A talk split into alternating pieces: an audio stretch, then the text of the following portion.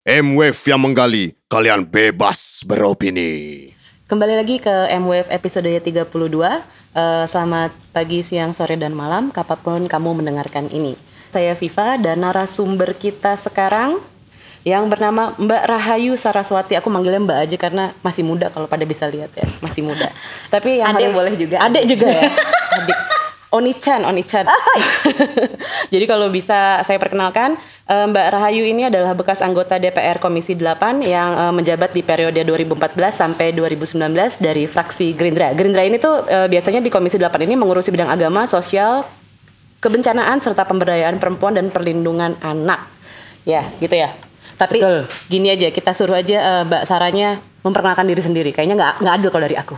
Silakan, Mbak. Oh, kurang afdol gitu ya. Eh, ya tadi seperti yang sudah disampaikan, saya Rahayu Saraswati, Joy Hadikusumo, saya dari Komisi 8 waktu itu, sekarang sudah kembali ke habitat sebenarnya eh, di dunia usaha. Tetapi eh, kali ini saya juga baru saja diberikan amanah atau mandat untuk eh, maju di pilkada. Jadi transisinya kayaknya belum berhenti gitu. Eh, tadinya kayaknya udah serak tapi rupanya transisinya terus berlanjut gitu. Jadi apa namanya ya saya nanti akan maju di pilkada eh, tapi ya sebenarnya terus memperjuangkan eh, seperti selama ini untuk perempuan dan anak juga fokus di anti human trafficking. Oke, eh, berlanjut dari itu kita sebenarnya di sini adalah eh, ngebahas isu yang kemarin itu sempat banget rame, yaitu rancangan undang-undang penghapusan kekerasan seksual yang seperti kalian udah tahu beredar di mana pun di sosial media, di mana nggak mungkin enggak pasti lo pada lihat soal isu itu. Pertanyaan pertama saya, sebagai pribadi nih ya, kan udah udah udah nggak menjabat, udah Oh bukan iya lagi di iya komisi iya betul betul bebas. free free. Bagaimana perasaan anda saat RUU PKS ini ditarik dari Prolegnas 2020? Lebih Nggak kaget. Lebih dominan apanya? Nggak kaget Nggak kaget, berarti? nggak kaget. Nggak kaget. Nggak kaget. Kenapa bisa bilang nggak kaget? Ya karena memang dari zaman saya masih berada di Komisi 8 pun juga sudah terlihat betapa sulitnya untuk melakukan pembahasan. Kita menerima tahun 2017, 2018 masuk ke Komisi 8 untuk bisa dibahas saja. Istilahnya gimana kita membahas judulnya aja nggak disepakati gitu loh. Jadi eh, ya kalau misalkan pada saat kemarin akhirnya mereka mengembalikan ke balik gitu, ya saya nggak kaget. Nggak kaget berarti? Ka- ya karena masih banyak eh, apa namanya eh, petahana ya istilahnya masih banyak dari yang sebelumnya yang kembali lagi menjabat dan juga saya tahu petanya kemungkinan besar itu masih banyak yang eh, menolak dibanding yang eh, mendukung. Kalau eh, saya boleh misalkan menyampaikan suatu opini gitu, tapi anda setuju nggak nih? Mungkin nggak sih RUU PKS ini melihat alotnya tarik ulur para fraksi itu, jangan-jangan ini adalah apa yang mereka katakan itu dagang politik atau strategi mendulang suara dibanding alih-alih urgensinya itu untuk melindungi korban kekerasan seksual itu sendiri. Kalau misalkan dikatakan mereka ini bicara tentang ini berhubungan dengan politik, nggak juga. Tetapi alasan salah satu mungkin alasan kenapa mereka keberatan untuk eh, mendukung RU ini karena tentunya salah satu aspeknya berhubungan dengan suara, misalnya gitu. Tetapi eh, ini adalah soal negosiasi politik tidak, nggak sampai ke situ karena ini masalahnya bagi mereka adalah ideologi. Ini bukan masalah politik, ini masalah ideologi. Nah, kalau udah ideologi pasti akan sulit. Kalau misalkan politik masih bisa dinego. Tapi kalau misalkan ideologi nggak bisa dinego. Hmm. Nggak ada orang satupun yang bisa memaksakan ideologinya kepada orang lain. Di situ di mana itu kesulitannya di situ. Jadi eh, kalau misalkan dikatakan bahwa oh mereka nggak peduli dengan tentang korban juga ya nggak benar. Tapi dalam pemahaman mereka yang menolak nih ya eh, dari yang saya tangkap selama ini dan bahkan selama saya di DPR kemarin itu berdasarkan ideologinya. Jadi bukan karena mereka nggak peduli tentang korban tetapi mereka melihatnya cara mengatasinya itu tidak seperti yang tertuang di dalam RUU itu. Hmm, oke oke oke.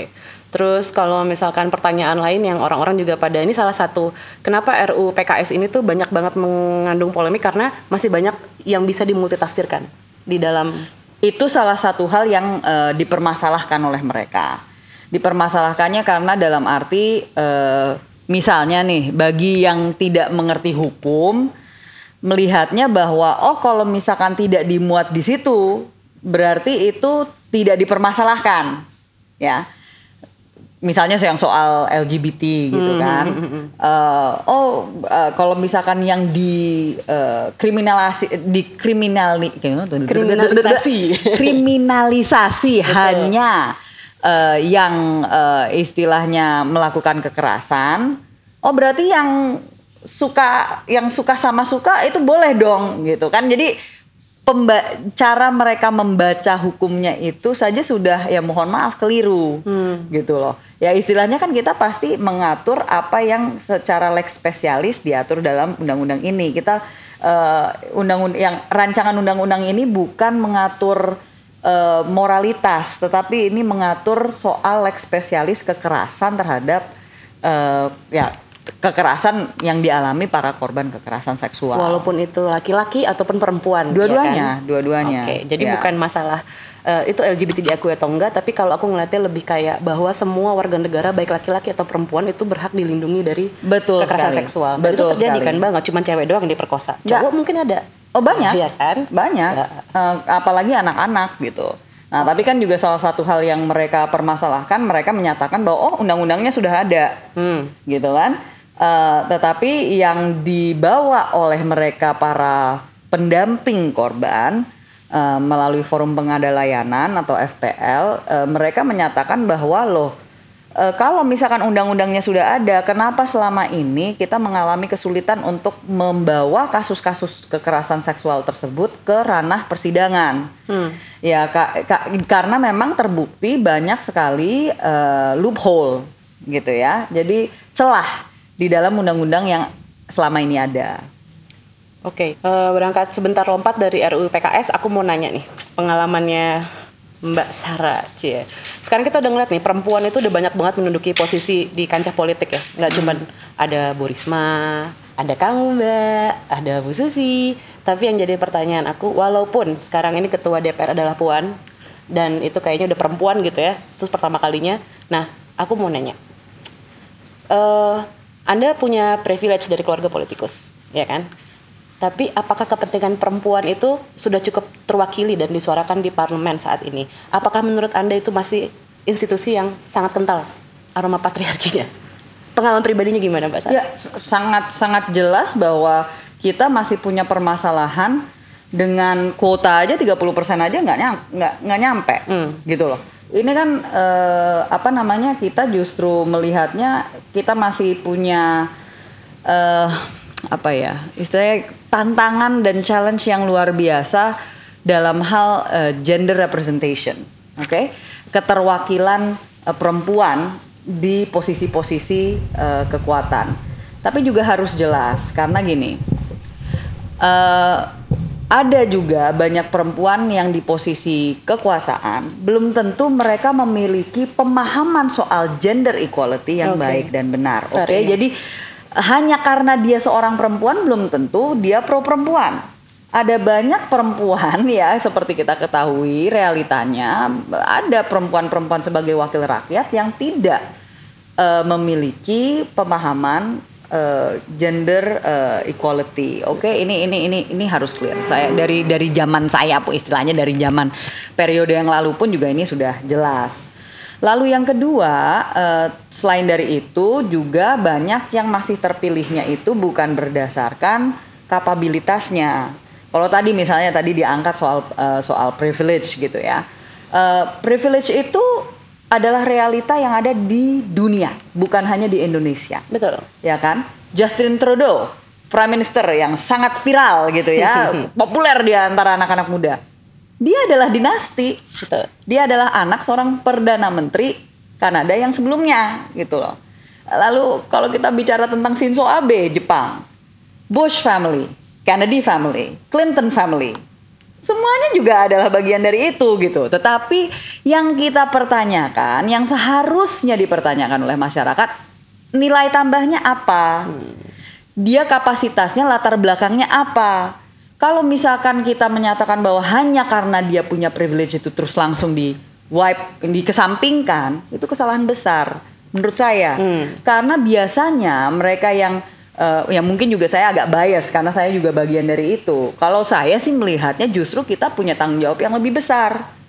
Kita ini kalau misalkan dikatakan punya privilege dalam hal itu ya tentunya kita harus menggunakan posisi itu gitu kan? Kalau saya sih seperti itu ya. Nah dalam hal ini saya juga harus menjelaskan bahwa posisi saya itu justru sangat menguntungkan waktu saya memperjuangkan RUU penghapusan KS kalau saya bukan saya dan saya hanya anggota DPR biasa anggota fraksi biasa saya nggak punya power nggak akan punya power yang sama dengan yang waktu kemarin itu saya bisa menyampaikan kepada ketua fraksi, kepada ketua partai karena ujung-ujungnya semua suara yang ada di DPR adalah suara fraksi.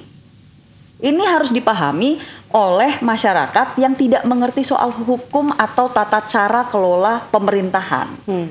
Bahwa di DPR itu suaranya itu dimiliki oleh partai. Pada saat kita melakukan voting misalnya, sangat jarang itu dilakukan per individu.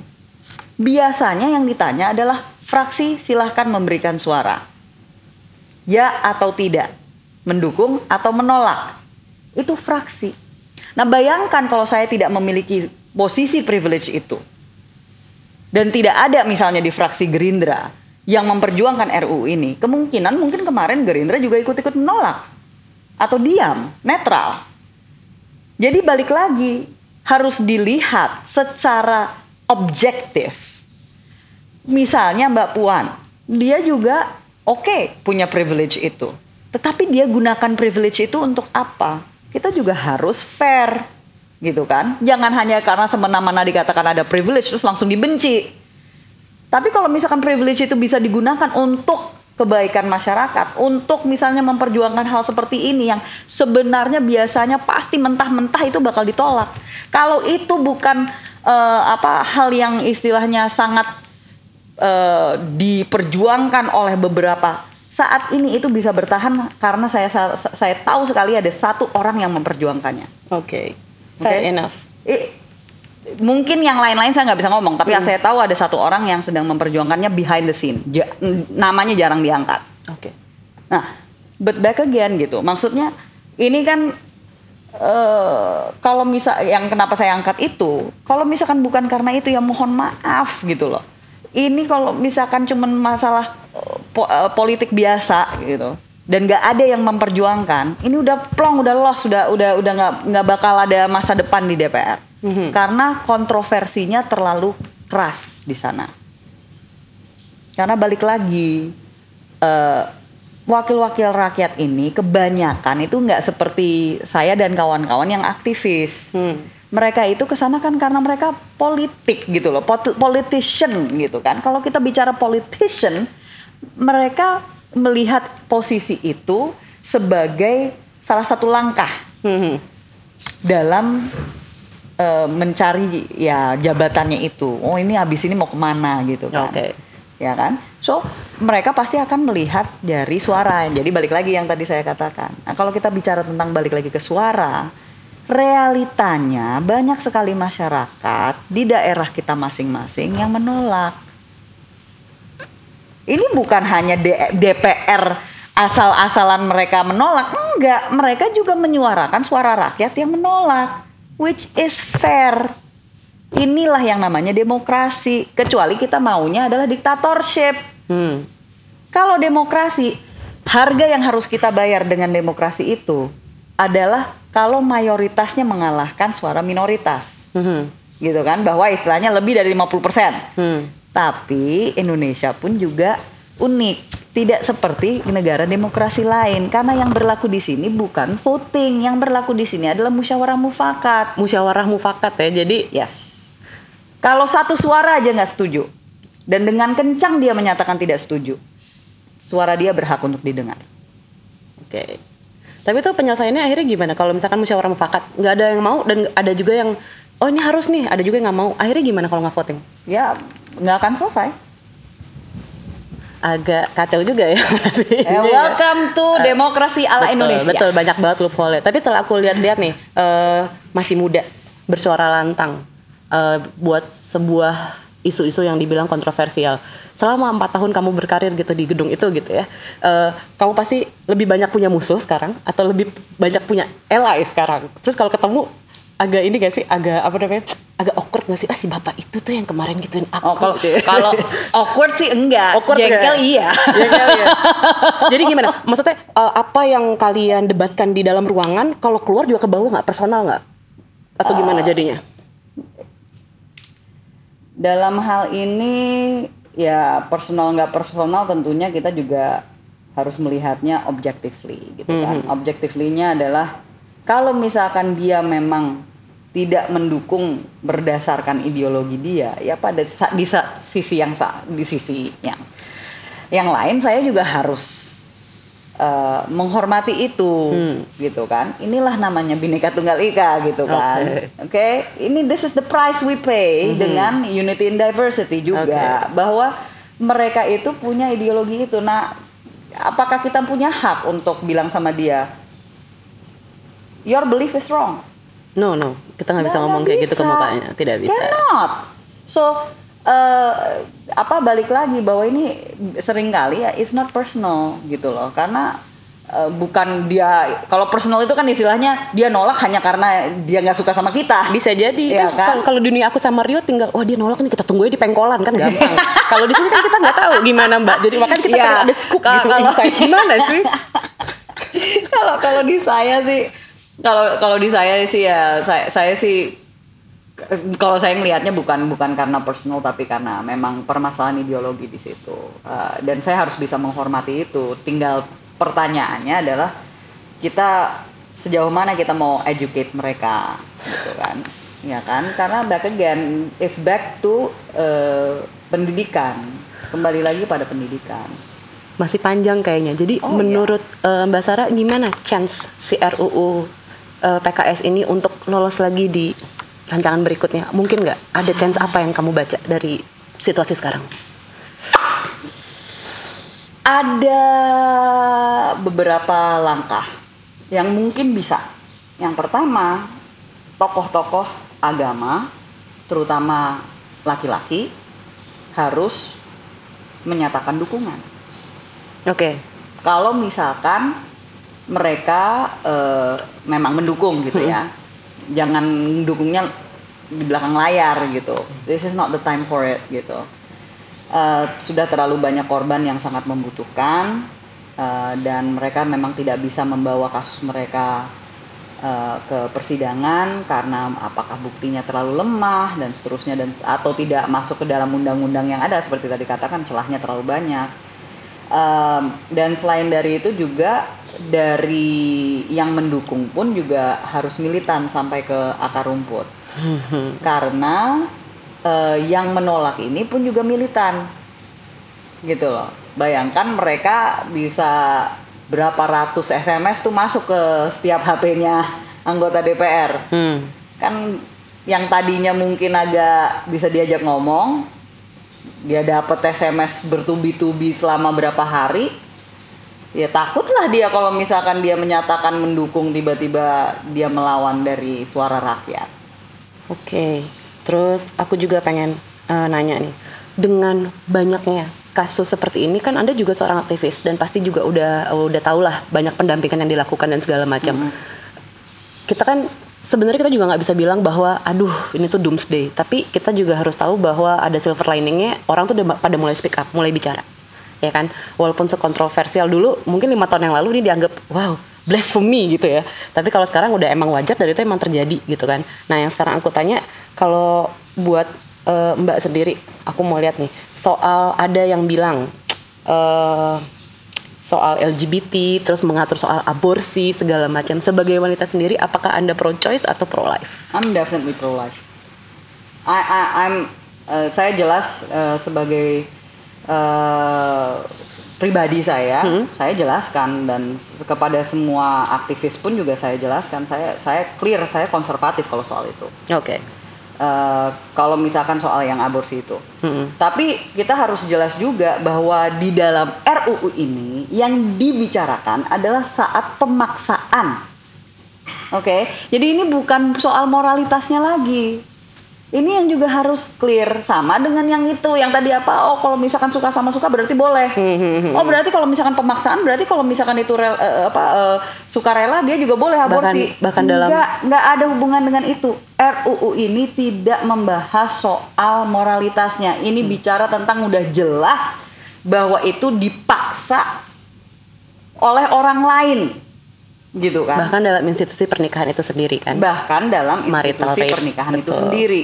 Kalau itu dipaksa, ya berarti kita menyatakan itu adalah kekerasan.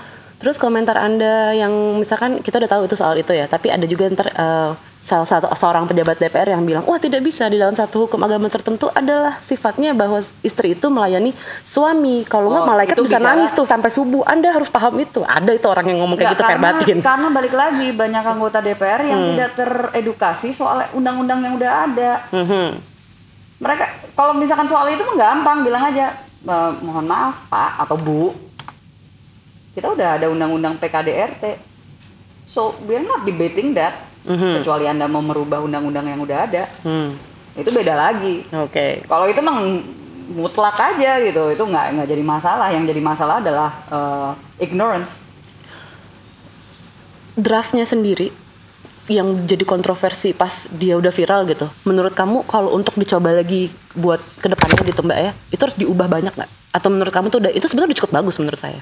Ke secara keseluruhan sudah cukup bagus Hmm. dan memang yang dipermasalahkan itu hanya segelintir Istilah kayaknya ya atau gimana? Enggak, karena yang misalnya soal pencegahan, Iya, itu kan- terus soal pemulihan, Betul. semuanya menyetujui itu. Tapi Tapi kan sebelum itu ada definisi. ah, berarti soal definisi Ya, ini ya. bahkan soal judul. Nah, tapi kalau soal judul itu, to be honest, itu sebenarnya kalau menurut saya hanya alasan. Oke. Ya, kita clear aja. Bumbu-bumbu ya, Kita maunya kecap-kecap. ke- kejahatan bukan kekerasan. Lah kalau misalkan kita mau mengesahkan RKUHP dulu ya di RKUHP jelas bahwa kata kejahatan tidak bisa digunakan di undang-undang Hmm. selain dari RKUHP. Itu ada pasalnya.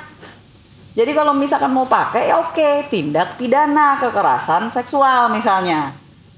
Jelas gitu loh.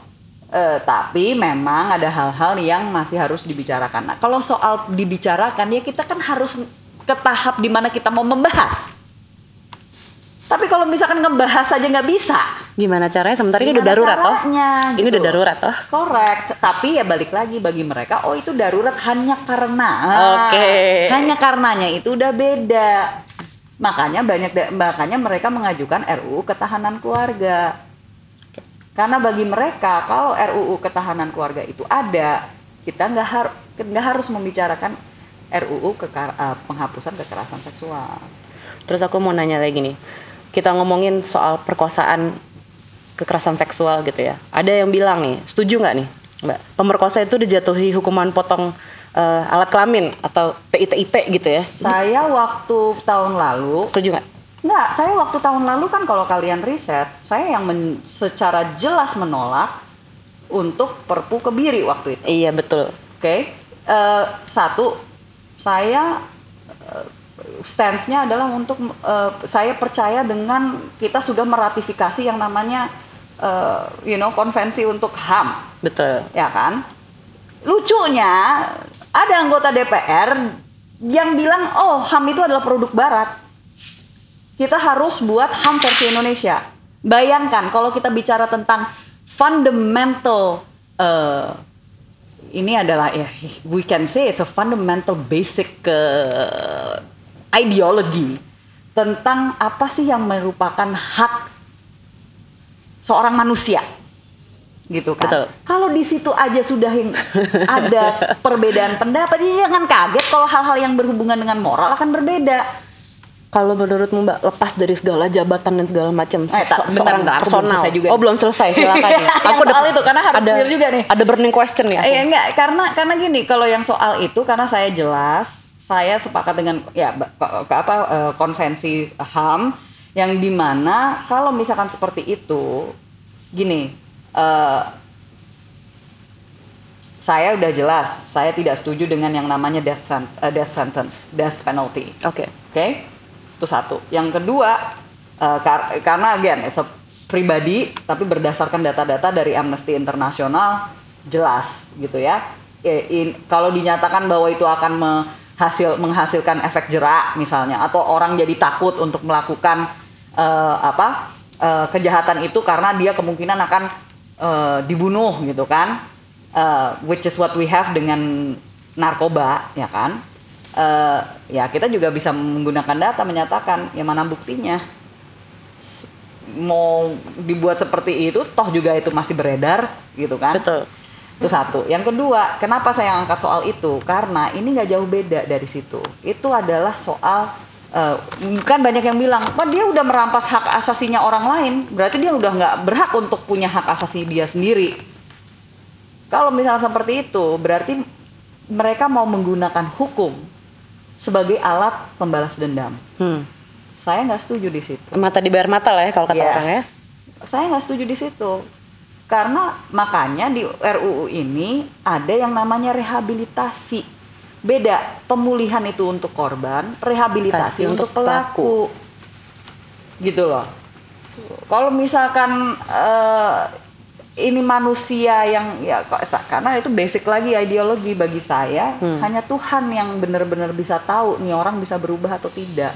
Kita bisa cuman kayak yang manusiawi adalah rehabilitasi. rehabilitasi. Oke. We do our best gitu loh. Kita lakukan yang terbaiknya. Kalau misalkan kita bicara soal kebiri, eh ya itu sangat erat hubungannya dengan death penalty. Berarti kan itu penyiksaan. Betul, dan bukan- oh, Kalau misalkan yang kemarin itu kenapa saya juga menolak karena konteks eh, kebiri, kebiri kimiawi ya, bukan Kimiawi. kebiri fisik. Iya, iya, iya. Di dalam perpu itu adalah konteksnya hukuman, bukan rehabilitasi. Oke. Jadi- Kalau misalkan konteksnya rehabilitasi, dokter juga mau.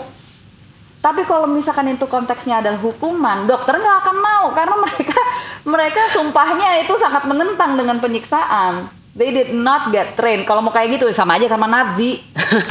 Oke. Itu dokter banyak yang mereka menyiksa. Hmm. Ya itu Nazi. Apa kita mau samakan diri kita dengan Nazi? Tapi memang di dalam kepala saya tuh kadang-kadang kayak, wah nih ada nih satu ide. Menurutmu gimana? Kita kasih dia penjara yang mewah, kayak di Nusa Kambangan lebih mewah. Kita kumpulin semua orang yang serial pelakunya berarti udah berulang kali ya. Udah udah wah susah banget ya disembuhin. Terus kita kasih fasilitas, nggak usah dikurung, nggak usah. Tapi kalau dia 12 tahun di penjara, 12 tahun itu seminggu sekali. Gue injeksi raja singa. Terus nggak usah diobatin dulu, biarin aja dulu menderita ya. Abis itu baru kita obatin lagi, terus diinjeksi lagi. Gitu aja terus sampai Nah itu penyiksaan. udah jelas-jelas. selesai kalau di kepala gue tuh kayak gitu gitu loh yo kadang-kadang gue tuh ngerasa kayak lu ke DPR terus lu digaji gede cuma untuk merasa putus asa karena gue udah ngeliat ketimpangan anjrit ini tuh banyak banget ini eh, sistemnya nggak beres pantesan ini nggak beres-beres. Jadi aku nggak ngerti apa yang kamu alami sehari-hari kerja Ah, di ya sana. udah udah rada gila makanya. Nah, dan kamu tuh nggak kapok terus malah dia naik lagi. Sekarang pilkada. Dan politik itu kan meriah ya pasti ada turun ada naik yang dulu jadi teman sekarang jadi musuh. Kamu nggak kapok gitu mbak empat tahun itu dibolak-balik sama sistem dan kehidupan Oh, kalau bicara kapok dan mau melarikan diri mah udah berulang kali gitu. iya kan dibayar mahal cuma buat emotional cost gondok dong gue dari Ya, iya dong, 2016 gue exactly, kawal Exactly. Nah ini yang tapi ya apa bagus sih lo ngangkat itu karena Kalau gue bisa muntah, gue bukan siapa-siapa. gue, gue.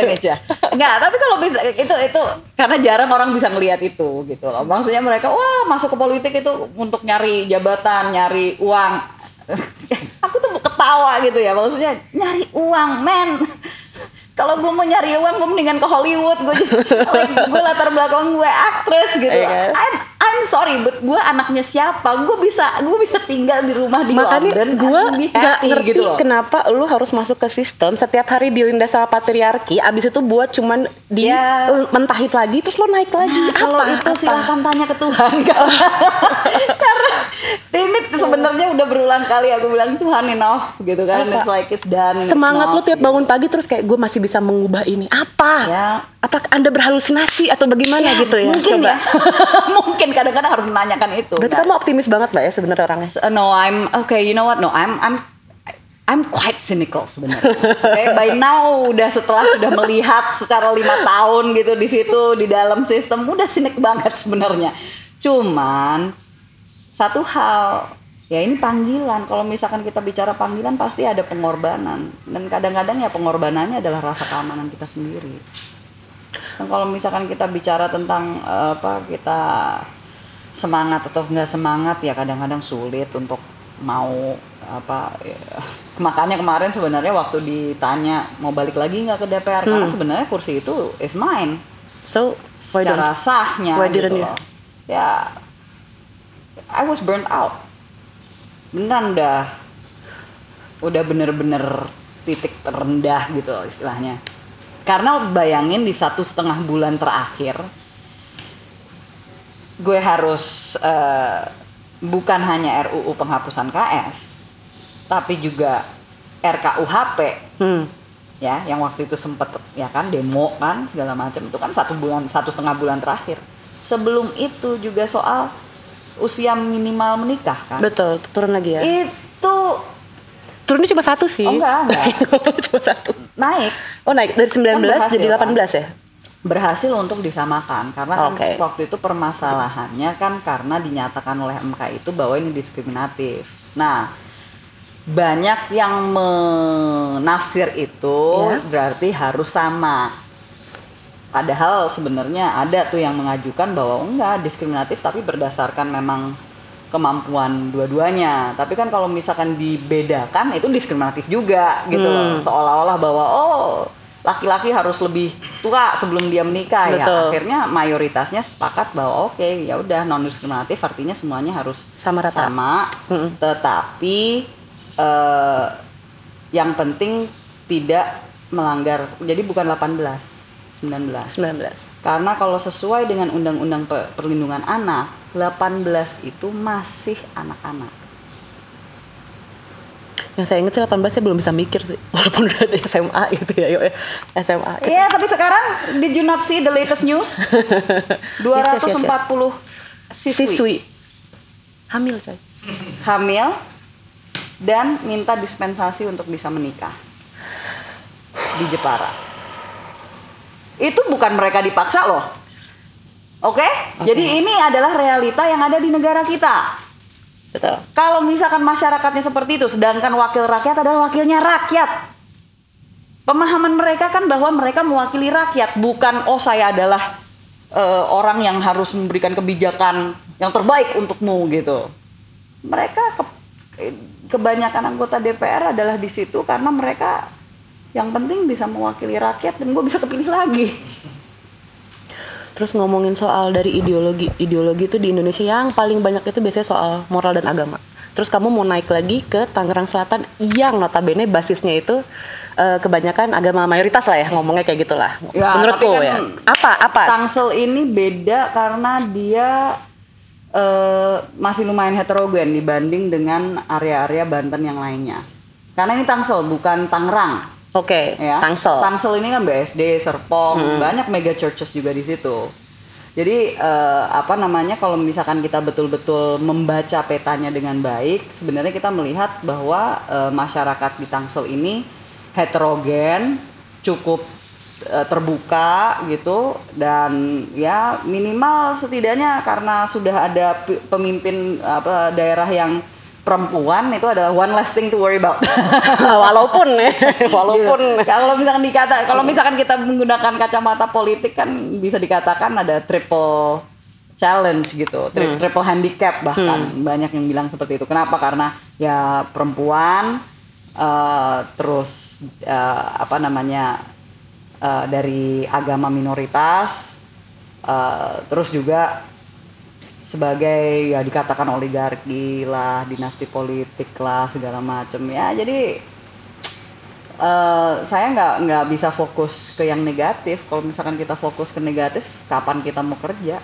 Jadi kamu ngerasa dengan skup pilkada ini mungkin kamu bisa melakukan dan memperjuangkan perubahan yang pernah diusung kemarin terus dilanjutkan dalam skup lebih kecil misalkan skup Tangsel.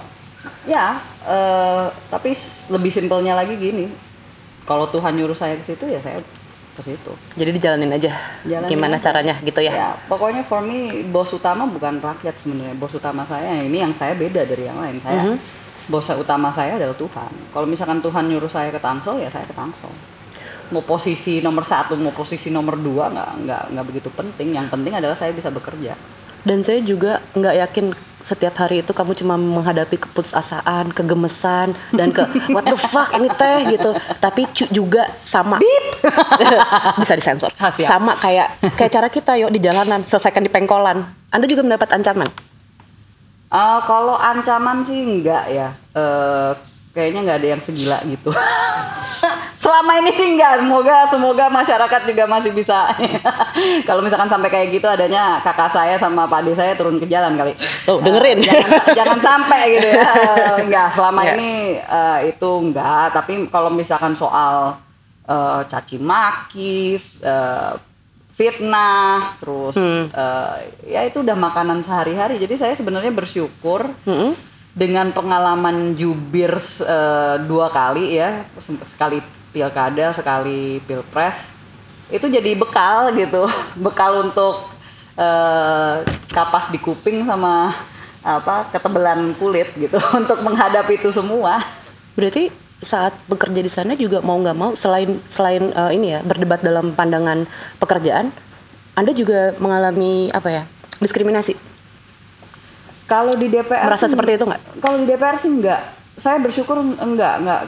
Baru terjadi betul-betul di eh, ha- tiga hari sebelum Berhenti. berhenti. Itu kan sempat viral tuh. Itu itu baru pertama kali dan jujur itu eh, cukup mengagetkan dan eh, mengecewakan gitu. So selama saya lima tahun saya nggak mengalami itu itu betul-betul baru kali itu terjadi. Apa yang mau Anda bagi ke pendengar kita nih di I'm Wave?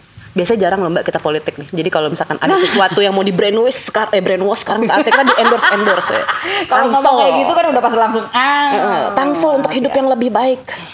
Enggak enggak. Kalau kalau saya sih yang mungkin saya titip pesan aja terutama buat anak-anak muda yang mendengarkan ini mungkin dengan kondisi pandemi Covid-19 cukup suram gitu ya, mengkhawatirkan. Hmm. Eh, kita juga tahu bahwa ekonomi kita ini pasti akan beberapa saat ke depan eh, bagaimanapun juga eh, akan kesulitan. Itu realitanya. kan. You know, kita nggak bisa sugarcoat lah. Ini ini kalau misalkan dikatakan semuanya baik-baik saja, menurut saya itu adalah kebohongan. Sama. Ya, it's a big fat lie. Jadi untuk eh, apa namanya anak-anak muda, kalian harus bisa mengembangkan kemampuan kalian untuk beradaptasi. Hmm. Oke, kalau misalkan kalian tidak ber- bisa beradaptasi, kalian akan sangat sulit untuk bisa eh, bergerak secara organik menghadapi kondisi apa pun. Ya, apalagi dengan ke depannya ini. Yang kedua, kalian harus bisa kreatif. Hmm. Mungkin ada yang bilang, aduh, gue orang ini nggak bisa mikir out of the box gitu. Kayaknya kalau udah langsung ada tantangan kayak gitu kan langsung deg-degan duluan gitu. Enggak, gue bisanya pokoknya ya di eh, ya di dalam box gue gitu. Eh, mungkin ya saya hanya bisa eh, menyemangati dan mengatakan pasti di dalam diri kita masing-masing Tuhan sudah taruh benih kreativitas.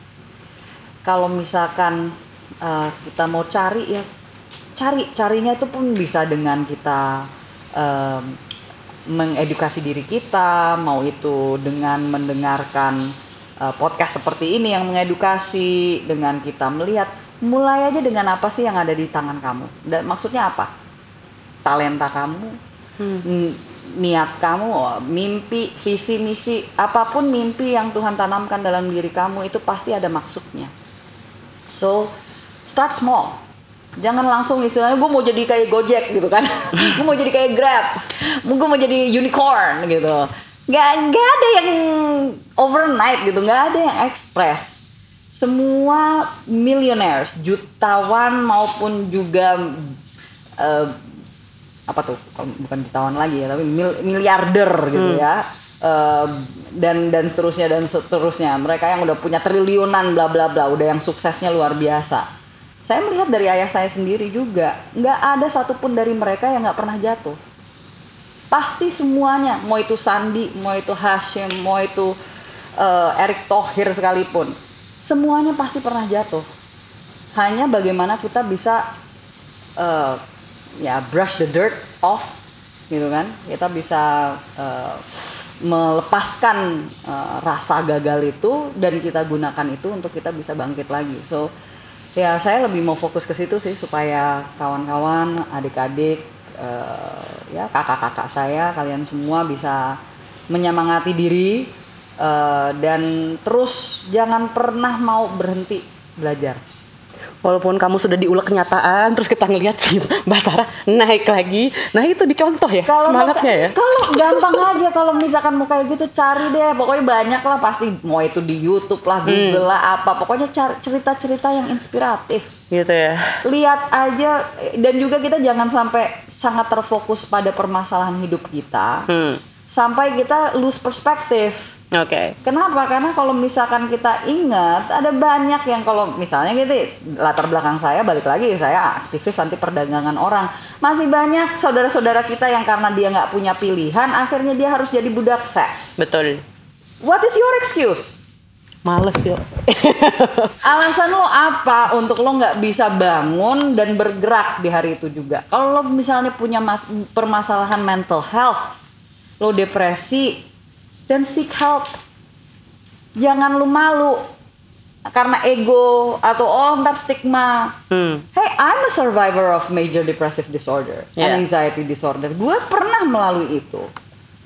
Ya, karena berkat Tuhan gue bisa bertahan dan masih bisa bergerak hari ini gitu. Tapi so kita perspektif lagi. Lihatlah yang ada yang dihadapi banyak orang refugees. Ya kan? Mereka yang bener-bener nggak punya apa-apa tinggalnya di tenda. Kalau lo masih punya roof over your head gitu kan, Ya. mau itu bentuknya masih kayu sekalipun. Hmm. Tapi kalau misalkan lo punya kemampuan, masih punya tangan kaki, lihat aja mereka nggak punya tangan sama kaki. Malu buat ngeluh juga ya jadinya. ya makanya gitu loh. Oke. So, so don't complain gitu kan. Komplain sekali-sekali nggak apa-apa, tapi jangan itu jadi lifestyle gitu kan. gue juga pasti komplain juga sama curhat sama temen-temen, but itu kenapa penting juga untuk kita dikelilingi oleh orang-orang yang tepat. Terus yang pengen aku tanya, eh sebelum karir di politik jadi orang DPR segala macam, setahu aku kamu juga sudah lantang eh, apa namanya ngomongin soal isu, eh, soal aktivisme segala macam. Yang aku pengen tanya, kenapa akhirnya merasa bahwa eh, masuk ke sistem, memenetrasi sistem yang sebenarnya banyak banget jadi oposisi orang-orang di luar sana. Karena kalau kita kan jadi aktivis soalnya tahu pemerintah brengsek, pemerintah ini, eh, DPR ini, DPR itu. Tapi kamu malah masuk ke sistem itu.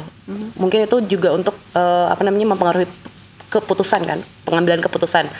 Eh, walaupun kamu nggak nggak lagi masuk dari bagian itu, tapi tips Mbak Sarah buat orang-orang yang memang ingin berkarir dan mencoba membuat perubahan dari dalam, ada nggak tips yang sangat penting yang lu jangan lupa ini atau ini? Itu gimana?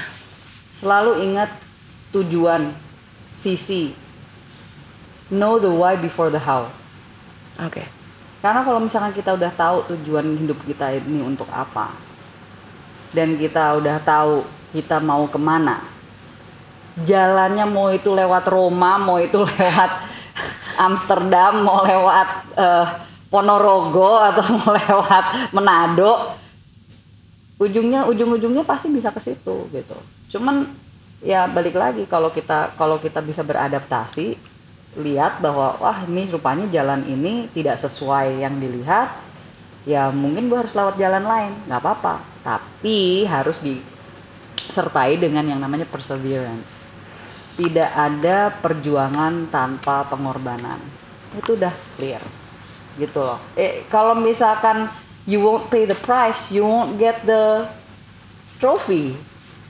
You know gitu aja. Jadi ya itu yang paling penting. Pokoknya just just purpose purpose before the how. Karena kalau udah tahu purpose-nya pasti how-nya akan jelas. Oke, sayang sekali. Cuma segitu doang nih yang masih bisa kita ambil dari Mbak Sarah. Tapi semoga nanti ada jodoh lagi ya Mbak ya. Kita bisa ngobrol-ngobrol pas kamu jadi mungkin presiden. Kita kan nggak tahu ya, ketemu lagi kan. Ya kita nggak tahu loh ya. Kami selalu doa amin aja ya.